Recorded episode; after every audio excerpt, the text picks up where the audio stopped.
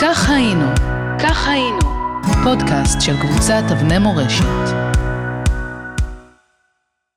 שלום לכם. כאן שוב אמיר שושני עם סיפור מספר 132 בסדרה כך היינו.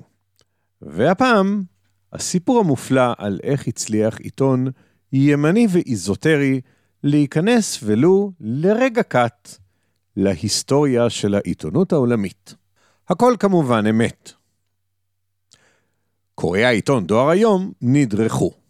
ריח של הזדמנות עלה באפם, אך קשה היה להם להחליט האם מדובר במציאה טובה או רק במהטלה פורימית. מצד אחד, בעמוד הראשון של העיתון, בפינה השמאלית העליונה, התפרסמה מודעה כביכול מטעם המערכת. במסגרתה של ההודעה הם התבשרו כי אורח חשוב עומד לעוף בשמי הארץ. ומתוכו, עד כמה שהדבר נשמע מוזר, יוטלו אל הקרקע חבילות דואר שממוענות לעיתונאי אחד, קסטלר, ממערכת דואר היום. אתם מתבקשים, כתב המפרסם, לאסוף את החבילות ולהביאן למערכת במהירות האפשרית כשהן סגורות. מי שיעשה כן, יזכה לפרס של אחד ורבע לירות ארץ ישראליות, מלבד החזר הוצאות מלא, עבור כל חבילה שהביא. בסכום הזה, רבותיי, באותה עת אפשר היה לקנות עיתונים לכחצי שנה. וכל אחד יכול היה לעשות חשבון לעצמו מה ערכו של הפרס, בוודאי למי שיאסוף מספר חבילות בבת אחת. ומצד שני, מתחת לאותה מודעה ממש התפרסמה מודעה נוספת, בה הוכרז בלשון שאיננה משתמעת לשתי פנים, כי, אני מצטט, מי שלא יאכל בפורים עוגות, טורטים ואוזני המן ממאפיית בלפוריה, לא יצא ידי חובת משלוח מנות. נו, אז עובדים עלינו או לא? שאלו את עצמם הקוראים. הם התקשו להגיע למסקנה מושכלת. אמנם, העובדה שהאורח החשוב, גרף צפלין בשמו הרשמי, עומד לטוס בשמי הארץ, פומפמה להם בעיתון זה כחודשיים, והיא בוודאי הייתה נכונה. אבל שאר המודעה נשמע מפוקפק משהו, לא? מי זורק דואר מהאוויר כך סתם אל הקרקע ומקווה לשיתוף פעולה של עוברים ושבים? מה זה הדבר הזה? ואם כבר, אז מדוע העיתון מציע פרס משמעותי למי שיביא את החבילה בלי איום בצידו למי שינהג אחרת? מה, אם לא ברור לעיתון שכל בר דעת שאינו ישר יבין שהדואר שווה פי כמה וכמה מהפרס? ובכלל, מה פשרה של המודעה הליצנית הצמודה שם על האוזני המן? התאריך היה 22 במרץ 1929, שבוע שחל בו פורים על פי הלוח העברי.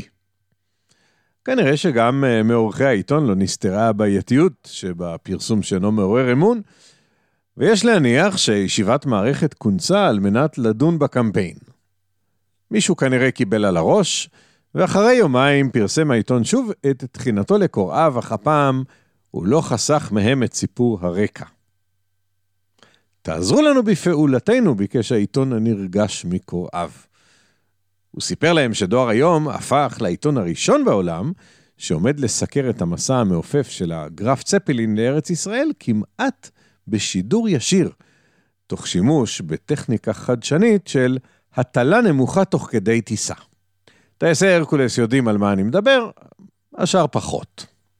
והעיתון ממשיך, אתם, קוראי העיתון היקרים, מוזמנים להפוך בהשקעת מאמץ קל לחלק מההיסטוריה העולמית כמקרה מפתיע בתולדות העיתונות הבינלאומית. ממש באלו המילים. כן, פרטי הפרס אה, נרשמו שוב, אבל כאן הוסיף העיתון בחוכמה, יש לומר, בצד הגזר גם את המקל. אנו מפנים את תשומת לב הקהל, אני מצטט, שכל המשתמש לרעה בחבילות, כגון פתיחה, גרימת נזק או שליחת יד, ייענש לפי החוק. נו, עכשיו זה נשמע קצת יותר אמין, לא? באותו לילה, קרוב לשעה אחת אחר חצות, יצאה הטיסה ההיסטורית של הגרף צפלין מגרמניה לארץ ישראל.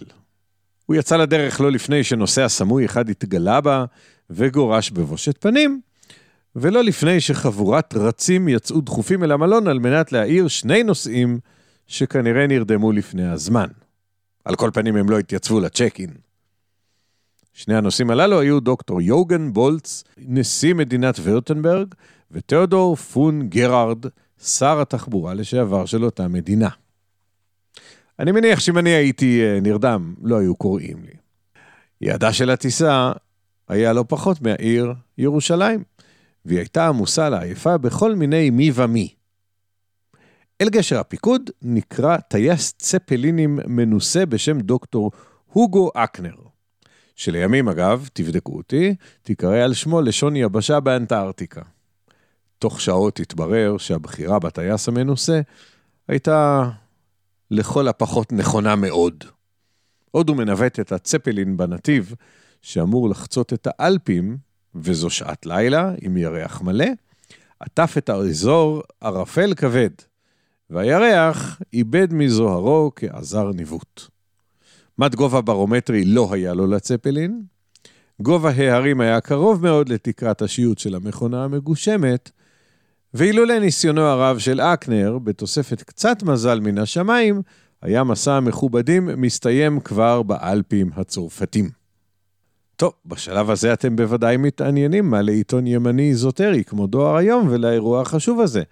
וכיצד הוא הצליח למצב את עצמו כמי שזכה לקבוע אבן דרך בתולדות העיתונות זמן אמת, נכון? ובכן, התשובה טמונה באחד, דוקטור וולפגנג פונווייזל, שהיה על הצפלין. באותה עת הוא היה נציג קונצרן התקשורת הגרמני הענק אולשטיין פרלג. אני מקווה שאני אומר את השם נכון. הוא גם נשא בגאווה עיטור גבורה בשם צלב הברזל, זכר לתרומתו לצבא האוסטרו-הונגרי במלחמת העולם. אז הייתה רק מלחמת עולם אחת. בעברו גם נרשם שהוא היה מדריך צבאי בבית ספר למפקדים, בהתבסס על תובנותיו כקצין גיבור. וחוץ מזה הוא גם היה רופא כירורג. אבל בעיקר הוא היה בעל ידע עולמי באסלאם ובעל קשרים יוצאי דופן עם אנשי הלבנט. אומרים עליו שהוא היה יוצא ובא בארמונות צ'כים ומלכים ערביים, ומתקבל שם בכבוד מלכים. סוג של לורנס איש ערב. אז מה לו ולדואר היום? או, היו לו עוד כמה תכונות. הוא היה יהודי, הוא היה ציוני, הוא עלה לארץ ב-1922, ואת ההדרכה הצבאית שסיפרתי לכם שהוא נתן, הוא נתן לא פחות מאשר בגדוד העבודה המחתרתי של תל יוסף. הוא היה פשוט חבר של מניה שוחט. הוא גם היה ממקימי התנועה הרוויזיוניסטית. דואר היום היה השופר של ז'בוטינסקי, והנה הבנתם את הקשר. בחזרה לצפלין. הצפלין חצה את תל אביב בפורים אחר הצהריים, באיחור של כמה שעות, ואז הוא פנה מזרחה לכיוון ירושלים. הערב ירד על העיר, והגיע זמן קריאת המגילה של שושן פורים. בכל זאת ירושלים. פון וייזל, שמעולם לא התבייש באלוהיו, בוודאי גם לא ביהדותו, לא התעצל. מאי שם הוא שלף את מגילת אסתר, ובגובה של אלף רגל מעל העיר הקדושה, הוא הקריא לחבריו הנוסעים, הגויים, כן? את סיפור הצלתם המופלא של אסתר המלכה ומרדכי היהודי. ממקום מסתור הוא הוציא בקבוק של יין קידוש של כרמל מזרחי, וכולם הרימו כוס של יין לחיי עם ישראל. כך היינו, כך היינו, פודקאסט של קבוצת אבני מורשת.